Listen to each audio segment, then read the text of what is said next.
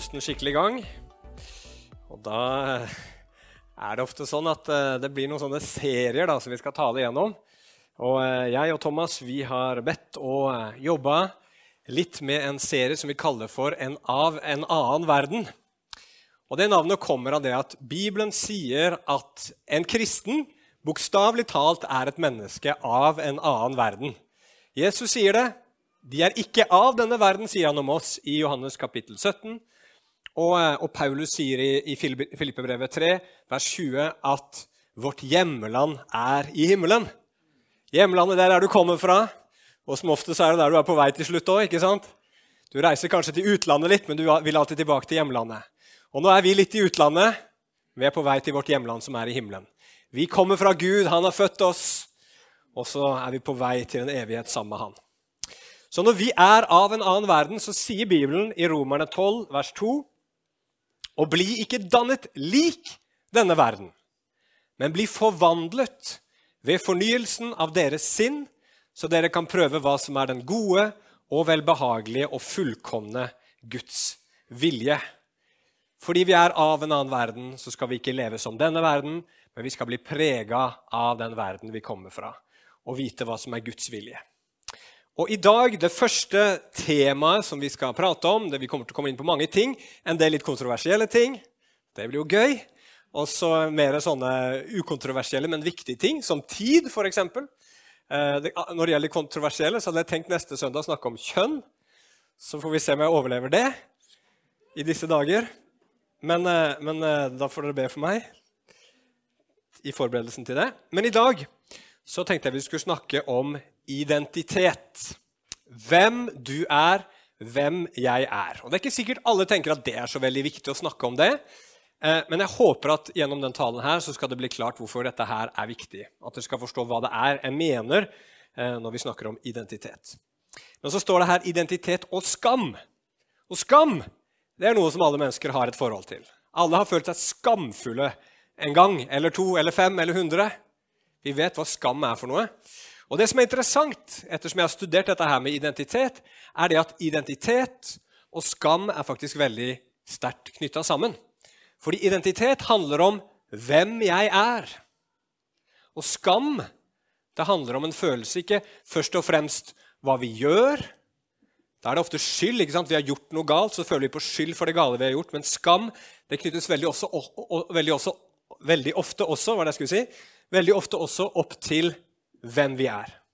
En følelse at det er noe galt med meg. Det er skammen.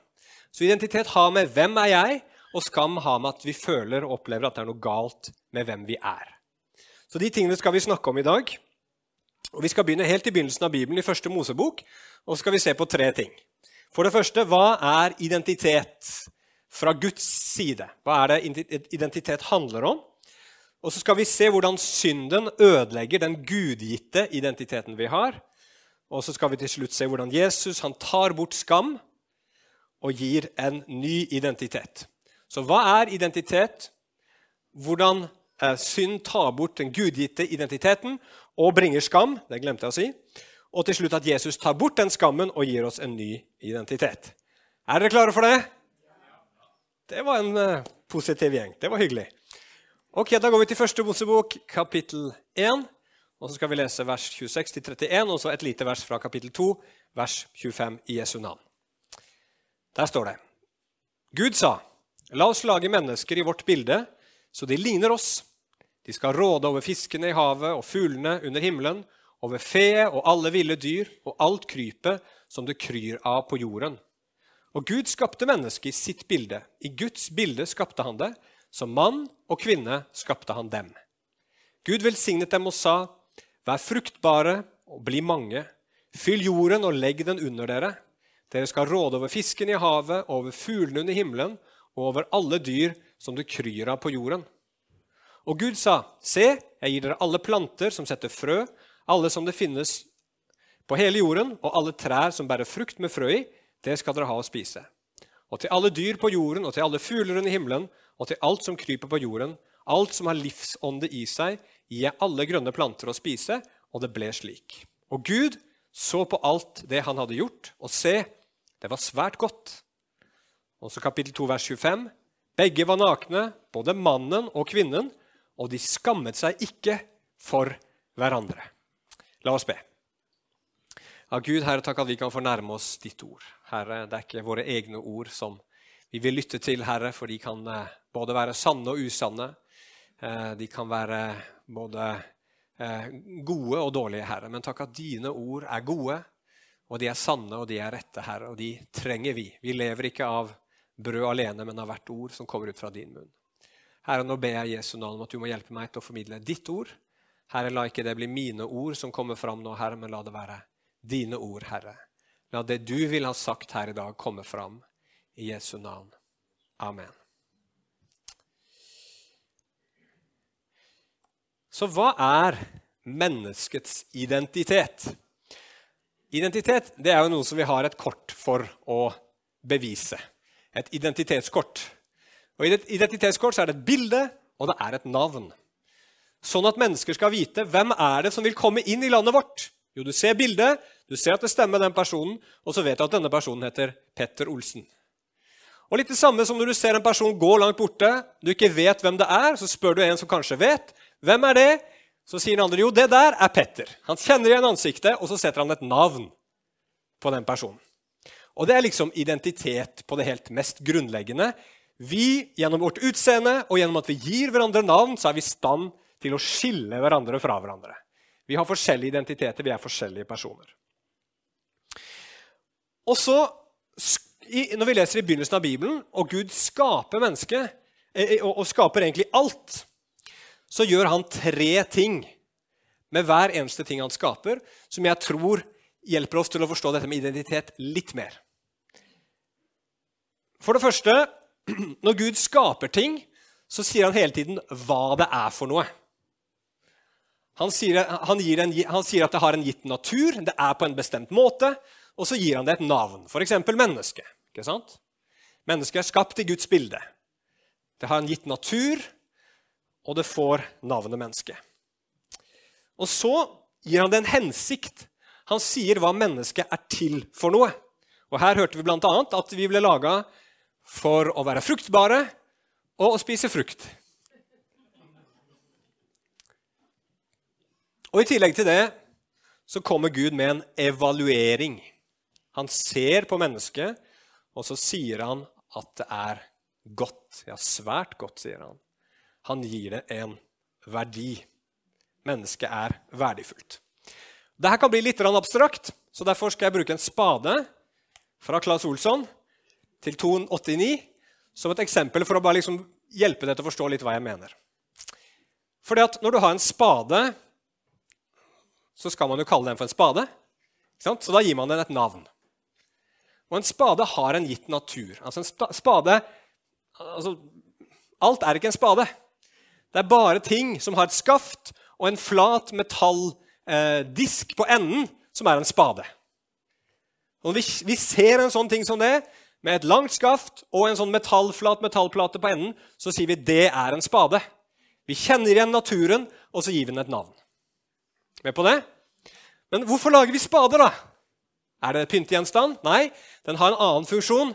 Spader lager vi fordi at vi skal spa med dem. Dette her er veldig avansert, jeg vet det. Så hvis dere ikke henger helt med, så, så forstår jeg det. Og så aller siste, da en spade. Når er en spade en god spade? Er en spade en god spade hvis den er råtten i, i, i skaftet og, og liksom eh, metallet er rustent og hullete og fælt? Er det da en god spade? Nei, da er det en dårlig spade. Fordi at den stemmer ikke med det den ble laga for å være. Det er et misforhold mellom hensikten og naturen og det vi faktisk har. Og Sånn er det med mennesket også. Vi ble skapt med natur. Gud gir oss et navn. Vi er skapt for noe. Og i begynnelsen, når Gud så på mennesket, så så han det at det vi var skapt for, og den naturen vi hadde, det vi var, det stemte overens. Vi fylte opp det Gud hadde skapt oss til å være, og da var vi Det var godt, det var vakkert. Gud sa, 'Yes! Dette her har jeg behag i. Dette gleder jeg meg over.' Og Det mønsteret ligger nedfelt i deg og meg. Vi har et behov for å finne ut hva vi er, hvem vi er. Vi må finne oss sjæl, som han sa på 70-tallet. Og vi trenger å vite hva hensikten med livet vårt er. Vi trenger å vite hva i all verden er jeg her for? Hva er meningen med livet mitt? Og så trenger vi å vite at vi er gode, at vi er ok, at vi er verdt noe. Det trenger absolutt alle mennesker, og det er en del av vår identitet. Og dette her har Gud lagt ned i oss, og så er det Gud som bestemmer disse tingene. Gud bestemmer hva vi er. Gud bestemmer hva hensikten vår er, og det er Gud som har retten til å si om det han ser, er godt, eller om det er dårlig. Og vi trenger at Gud kommer og sier hva vi, hva vi er, og vi trenger å høre at vi er gode. Og Gud skapte oss han, han, skapte oss for å leve i fellesskap med han og til å leve i fellesskap med hverandre, for å tjene han og for å tjene hverandre. Og Dette her er vår identitet. Og hvordan dannes den identiteten? Hvordan kan du og jeg tenke rett om hva vi er, hva vi var ment til å være, og om det er godt, om vi er gode? I begynnelsen så var alt perfekt, fullkomment. Og når Gud skulle formidle disse tingene til oss, så tror jeg ikke han bare tenkte at at han direkte skulle eh, fortelle dette her til oss, men at han hadde tenkt at både mennesker, skaperverket ellers, ja, til og med vi selv, skulle alle sammen bygge opp under den identiteten. Så mennesker skulle si til hverandre hva de var for noe. Naturen skulle fortelle oss hva vi var for noe. Og vi også skulle være i stand til å kunne enten ta imot det andre mennesker sa til oss, og si ja, dette her tror jeg at jeg er, eller kanskje avvise det andre mennesket sa til oss. Fordi at Noen ganger så kan mennesker si noe til deg som ikke er godt eller dårlig. Noen kan si ja, jeg tror du er en sånn bakertype. Du burde bli baker. Eller noen sitter der nei, du er en sånn fotballprofftype. Det er jo alle, alle, gutter ønsker å høre det. Unge gutter. Så du må bli fotballproff. ikke sant? Og det er ikke én ting som er bedre enn det andre. Det er ikke bedre å være bake enn en fotballproff, eller kanskje omvendt, som de fleste tenker. Begge deler er gode ting. Men så kan du også få lov til å ta et valg. ikke sant? Hva er jeg? Hva vil jeg være? Så kan vi til en viss grad også forme vår identitet. Og I begynnelsen, når alt var som det skulle være, så det var det mennesker sa til hverandre. Det var i tråd med det Gud tenkte. Det menneskene i sitt innerste tenkte, var i tråd med det Gud sa. Det naturen fortalte oss, var i tråd med Guds tanker. Og alt sammen var med og styrka den identiteten. Så vi visste hva vi var. Mennesker visste hva det var. Mennesker visste hva det var til, og mennesker visste at det var godt i begynnelsen, før synden kom inn i verden. Og Derfor så står det helt i begynnelsen av Bibelen, som vi leste i kapittel 2, vers 25, at begge menneskene var, Adam og Eva, de første menneskene var nakne, og de skamma seg ikke. Og Det handler ikke først og fremst tror jeg, om, at, om, om fysisk nakenhet, men det handla om, at de hadde ikke noe behov for å skjule noe. Det var ingen forskjell på hvem de var på utsiden, og hvem de var på innsiden.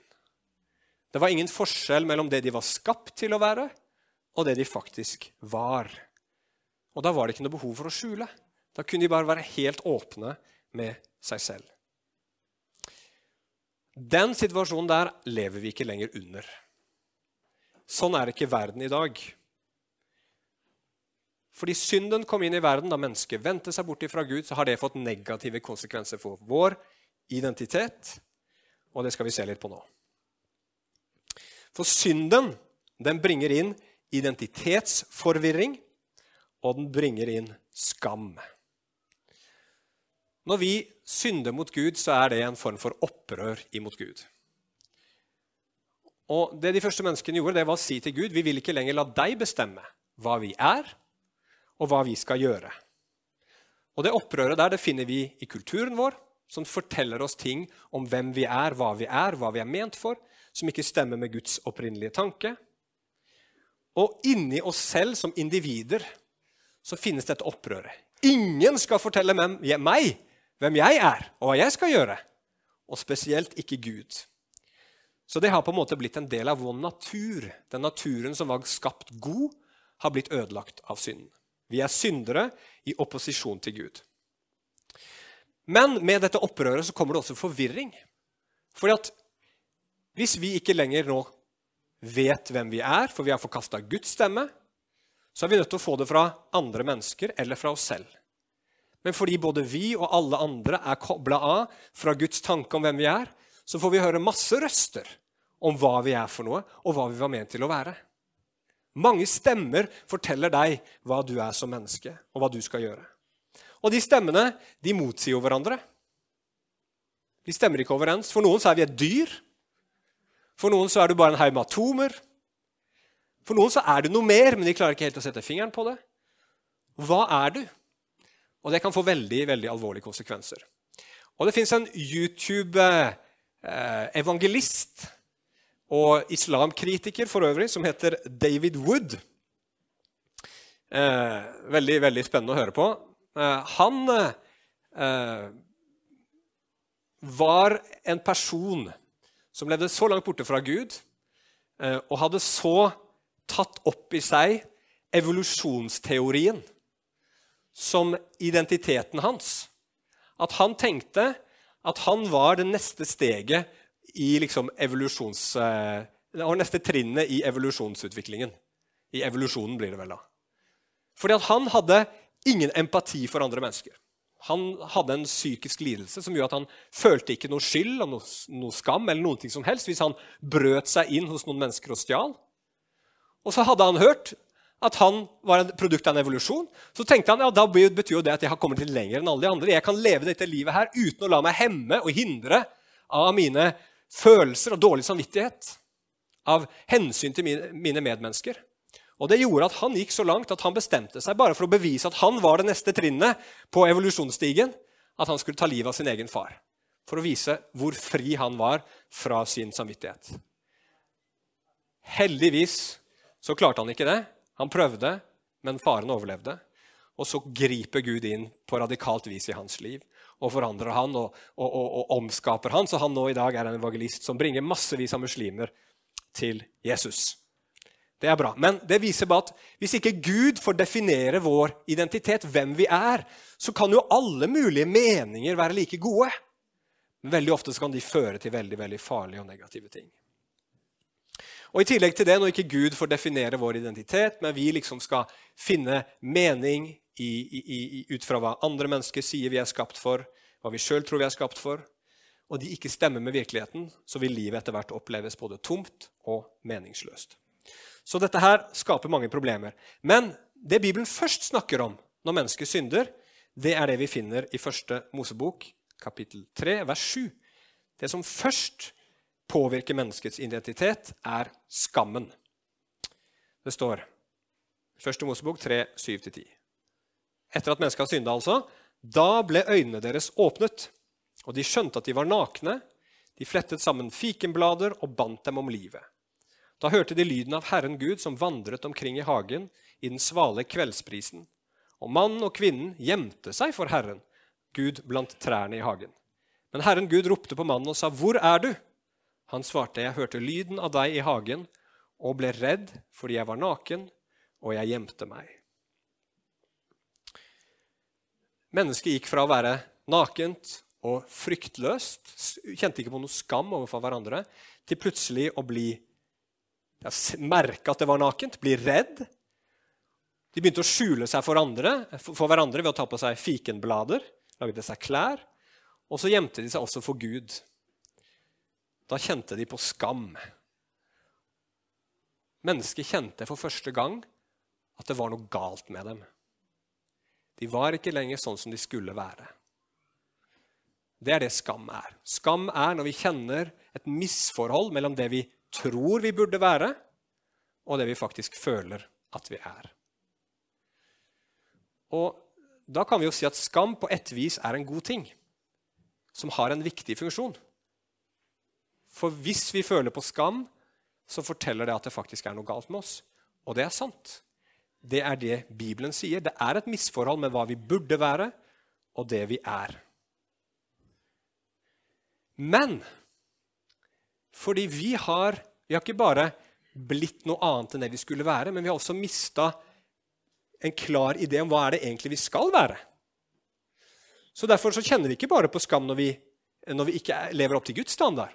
Vi kan kjenne på skam når vi ikke lever opp til alle mulige slags standarder som vi har tatt til oss fra samfunnet rundt oss. Så, så noen ganger så kan et samfunn påføre visse grupper eller visse personer skam fordi de ikke lever opp til en gitt standard. Det kan være hudfarge, sånn som det har vært i noen samfunn. Det kan være politiske syn, det kan være religion. Det kan være så mangt. Men hele veien så påfører man en type skam, men det er ut ifra en annen standard enn Guds standard. Og Det kan jo vi kristne som er konservative i Norge i dag, kjenne på. ikke sant? At folk sier det er ikke sånn man burde være. Dette er mørkemenn. Det er ikke et positivt lada ord, det å være mørkemann. er Det det? Det er et ord som er laga for å påføre skam. Men kristne har alltid vært utsatt for den utfordringen der. Derfor sier Paulus, 'Jeg skammer meg ikke over evangeliet'.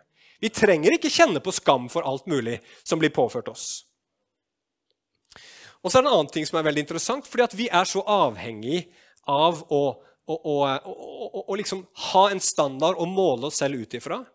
Så kan vi ofte kjenne på feilaktig skam, selv når ingen sier til oss direkte at sånn, eller du er ikke sånn som du burde være. Det jeg mener med det er at Vi lever i et samfunn sånn som det er her, hvor man kanskje sier at hensikten med livet ditt er å være rik, vellykka, vakker, intelligent, et eller annet som blir kommunisert gjennom at vi bare på TV og på sosiale medier og sånn ser vakre mennesker, intelligente mennesker, rike mennesker og uvellykka mennesker. Da skapes det et inntrykk at det var jo sånn du burde være. Og så fanger vårt eh, system opp det her. Det er dette som er standarden. Og så kjenner vi på skam fordi vi ikke lever opp til den. Og Sosiale medier er veldig, veldig med på å nære opp under det. Og Jeg har hørt mange unge som sier det at de kan sitte hjemme og ha det kjempekoselig med familien sin på en lørdagskveld.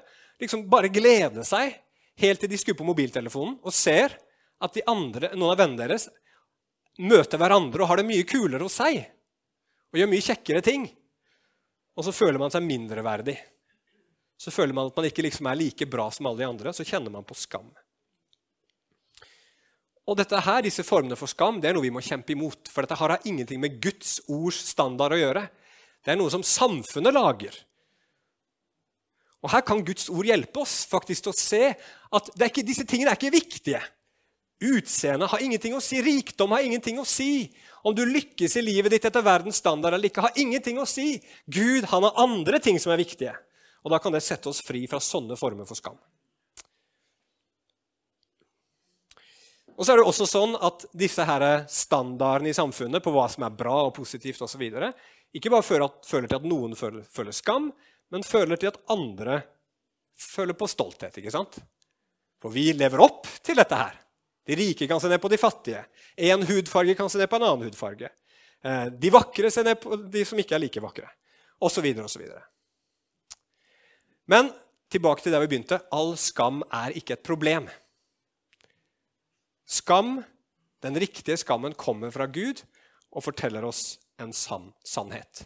At den gode verden som Gud skapte, og som Gud sa i begynnelsen, den er svært god. Den er ikke lenger svært god. Fordi at vi mennesker ikke lenger er det vi var ment og skulle være. Gud ser ikke lenger på mennesket og sier, 'Dette her, dette er bra, altså. Dette gleder meg.' Nei, faktisk så er det så ille at skammen forteller oss at vi hører ikke hjemme i Guds verden. Og Derfor så finnes det en dyp frykt i alt dette. her, fordi at vi vet innerst inne at vi fortjener å bli forkasta. Vi fortjener å bli satt utenfor. Vi fortjener ikke å være her. Derfor så gjemmer vi oss fra alt som kan avsløre hvem vi virkelig er. Og Hva skal vi gjøre med det her, da? Og Da fins det to typer strategier. Første strategien det er å prøve å leve opp til Guds standard. Prøve så godt man kan. Ok, nå skal vi ta oss sammen og prøve å, å, å, hjelpe hverandre og skape regler og rammer og, og liksom bruke selvdisiplin til å leve etter budene og da bli god nok for Gud. Det er religionens vei, og den fungerer ikke så bra, for vi klarer det bare ikke. Vi har det ikke i oss. Naturen vår er uforanderlig i seg selv. Og så er det en annen strategi som er veldig populær nå. Religionen var mer populær i vårt samfunn før, men nå er strategien å endre standarden og si at nei, dette er standarden vi må leve etter nå. Og så lager vi en standard som vi klarer å leve opp til. Eller en standard som passer med det vi egentlig føler, føler skam med. Og interessant nok så handler det med pride, som alle sikkert har hørt om, i stor grad om det her. For pride det handler om at man har en følelse av skam i bunnen. Man føler skam ved sin seksuelle tiltrekning. Man føler en skam kanskje med at man føler at man er noe annet enn den kroppen man er skapt inn i. Og så kan man ikke leve med den skammen. Og da For å kunne hjelpe seg selv å komme ut av den skammen, så lager man nye normer og sier dette er det som er gode, det gode. Og så vil man innføre de normene i samfunnet, sånn at man kan føle på ikke skam, men en form for stolthet. Der er ordet pride. Men det er sånn vi alle sammen gjør når vi bruker den taktikken. Dette er ikke dårlig, dette er bra. Altså, vi kan være, vi kan være, vi kan være uærlige, men i vårt eget hode så tenker vi at vi er smarte. Ikke sant? Vi lurer, vi er lure, vi lurer de andre. Vi er smartere enn de, men egentlig så er vi uærlige og svikefulle. Men uansett hvilken taktikk du prøver for å få vekk den skammen, så vil det ikke fungere. Fordi at Guds standard ligger der uansett. Den er bygd inn i skapningen. Den ligger og taler og hvisker i hjertet til alle mennesker. Og den er i den skapte virkeligheten. Vi kommer ikke unna skammen, for det er virkelig noe galt med oss. Skal vi si det i kor? det er noe galt med oss. Og vi kan ikke gjemme oss for Gud. Det går ikke. Men da fins det heldigvis en annen løsning. Og da kommer vi til Jesus, som tar bort skammen, og så gir han oss en ny identitet. Og Det fantastiske med Jesus det er at han er det første mennesket på jorda siden Adam og Eva ble skapt, som får høre ordene 'Dette er godt'. For Jesus han ble døpt i Jordan av døperen Johannes rett før han begynte sin tjeneste. Og Idet han kommer opp av vannet, så står det at Gud sa til ham, 'Dette er min sønn, den elskede. I ham har jeg min glede.' Eller velbehag, som en del av de gamle oversettelsene sa. Gud sa dette er et menneske som er svært godt. Dette er et menneske hvor det ikke er noen forskjell på hva det er ment å skulle være, og det det er. Men så er det merkelig i den bibelske historien at denne Jesus, som nettopp har fått høre disse ordene av Gud, tre år senere ender opp på et kors, er fullstendig naken og blir utsatt for all mulig skam. Han er til spott, han er til spe. Og den Gud som gleda seg over Jesus, står det i Jesaja 53 at han gleda seg nå over å knuse Jesus. Det behaget Herren å knuse han, står det i Jesaja 53,10. Hva i all verden har skjedd? Hvorfor i all verden går Jesus fra å være den som Gud sier yes, dette er bra, dette er topp, til å være den som blir skamfullt hengt på et kors, og hvor Gud selv er med på et vis og sier dette er ikke bra. Dette her vil jeg knuse. Dette her vil jeg dømme. Var det Jesus som hadde falt? Var det Jesus sin feil? Nei, Det som er det fantastiske i den kristne historien, det som vi tror på, er at på korset så er Jesus den som tar vår plass. Han bytter plass med oss. Så at Jesus, når han henger på korset, så tar han vår synd for at vi skal få hans rettferdighet. På korset står det at han ble en forbannelse, sånn at vi skulle få velsignelse. Han tok skammen på korset, sånn at vi skulle få høre at Gud gleder seg over oss at Gud sier til deg og til meg du er ok. Du er god. Det du er, er svært godt. Derfor så står det f.eks. i Romerbrevet 10, vers 11, at den som tror på ham, skal ikke bli til skamme. Og i Romerbrevet 5, 11, ja, ikke bare det, vi har også vår stolthet i Gud ved vår Herre Jesus Kristus. Når du kommer til Jesus, så blir skammen tatt vekk, og du får en stolthet som er i Gud. Du får en helt ny identitet. Husker dere det vi sa innledningsvis? For det første, identitet handler om hva vi er for noe. Natur og navn. Og hvis du tror på Jesus og blir en kristen, ja, hva blir du da? Ja, da blir du en ny skapning, sier Bibelen. Du blir født på nytt. Du blir noe nytt. Og du får til og med et nytt navn. Du kalles Guds barn, sier Bibelen. Bibelen snakker om at det er et godt navn som er nevnt over oss. Jesu navn. Og når du døper deg, hva døper du deg da? Jo, da døper du deg i Jesu navn. I Faderens, i Sønnens og Den hellige ånds navn. Vi får lov til å være i Kristus. Vi får et helt nytt navn. Ikke bare det, men vi får en ny hensikt. Vi er skapt til noe. Vi får tilbake den gamle hensikten, som var fellesskap med Gud. Det mennesket ble skapt til opprinnelig. Og vi kan komme tilbake til Gud fordi Jesus tar bort synden og lar oss få komme tilbake og ha fellesskap med Gud. Men nå blir vi også kalt til å leve som Jesus. Vi blir kalt til å fortelle andre om han, og vi blir kalt til å leve for å ære han. Du får en helt ny hensikt med livet ditt. Du er kalt til å leve og dø for Jesus. Gi ditt liv for ham om nødvendig. Kjempe for han og hans rike. Vi har noe å leve for i Jesus. Det er gode nyheter.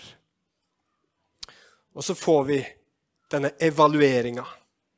Vi får høre at ved tro på Jesus så er vi i Kristus.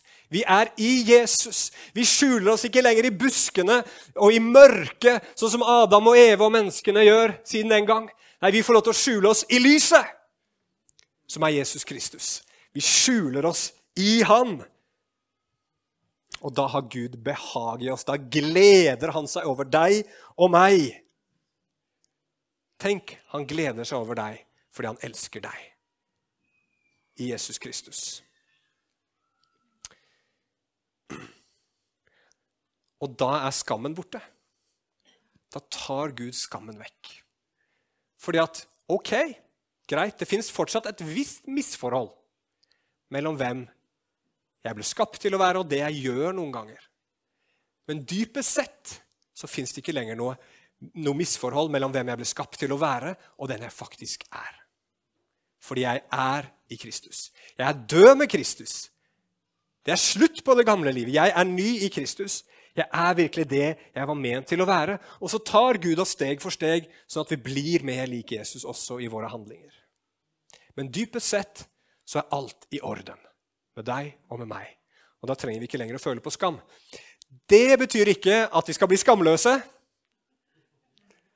Det fins fortsatt ting og, og, og gjerninger man skal helt naturlig føle skam over. Det er helt riktig. Og det er jo sånn at selv om Adam og Eva var nakne, så skal vi beholde klærne på. Men kristen tro det gir en form for stolthet. Men det er en stolthet som ikke er i meg sjøl, men som er i Jesus. Bibelen snakker om at vi roser oss i Kristus. Vi skryter av Han. For det er på grunn av Han at jeg er den jeg er. Og da, da, har du den fine koblingen hvor du kan være stolt, du kan skryte. Men du gjør det ikke av deg sjøl, sånn at du ikke opphøyer deg sjøl. Men du kan allikevel gjøre det på en sånn måte at du føler at du har verdi. For vi skryter jo alltid fordi vi vil føle at vi er noe. ikke sant? Men da opphøyer vi oss selv veldig ofte i samme slengen. Men kristent skryt det er skryt av Jesus, som gjør at vi blir ydmyke og samtidig kjenner at vi har en kjempestor verdi. Og når vi er trygge på vår egen verdi i Jesus, da kan vi stå imot presset utenfra. Da trenger vi ikke å skamme oss over den vi tror på. Vi skammer oss ikke over Jesus, vi skammer oss ikke over evangeliet. Vi skammer oss ikke over Bibelen. Vi skammer oss ikke over hverandre som er troende. Vi skammer oss ikke over eh, eh, eh hva, hva, Bibelen sier om hva som er rett og galt. Vi står på det. Fordi vi vet dypest sett at vi trenger ikke verdens anerkjennelse. Vi trenger ikke å høre at de sier 'du er god nok'. For vi vet at i Kristus så sier Gud du er god nok i Han. Og jeg elsker deg, og du er min. Og Jeg har lyst til å bare avslutte veldig enkelt med å lese et langt avsnitt fra Bibelen som beskriver denne identiteten vår på en fantastisk måte. Bare tenk på disse ordene her. Vår natur. Se om du hører det i teksten. Vår natur, vår verdi og hva vi er kalt til, hva vår hensikt er i de versene her. Og Jeg kommer ikke til å ta det opp på skjermen, for jeg vil bare at alle skal bare sitte og lytte kan gjerne slå det opp i Bibelen hvis du vil, men, men det vil anbefale at du bare lytter. Og la det synke inn i hjertet ditt. Så der står det i Kolossebrevet 1, nei, 3 unnskyld, og vers 1. Er dere da reist opp med Kristus, så søk det som er der oppe, hvor Kristus sitter ved Guds høyre hånd. La sinnet være vendt mot det som er der oppe, ikke mot det som er på jorden. Dere er jo døde, og deres liv er skjult med Kristus i Gud. Men når Kristus, deres liv, åpenbarer seg, da skal også dere bli åpenbart i herlighet sammen med ham. La da det jordiske i dere dø. Hor, urenhet, lidenskap og ondt begjær og grådighet, som ikke er annet enn avgudsdyrkelse. Alt dette gjør at Guds vrede rammer de, de ulydige. Unnskyld. Blant dem var også dere den gang dere levde slik. Men legg nå av alt dette sinne, hissighet, ondskap, spott og rått snakk. Og lyv ikke for hverandre, for dere har kledd av dere det gamle mennesket og dets gjerninger, og iført dere det nye, det som blir fornyet etter sin skapers bilde, og lærer ham å kjenne. Her er ikke greker eller jøde, omskåret eller uomskåret, barbar, skyter, slave eller fri. Nei, Kristus er alt og i alle. Dere er Guds utvalgte, helliget og elsket av ham. Kle dere derfor i inderlig medfølelse og vær gode, milde, ydmyke og tålmodige, så dere bærer over med hverandre og tilgir hverandre hvis den ene har noe å bebreide den andre. Som Herren har tilgitt dere, skal dere tilgi hverandre.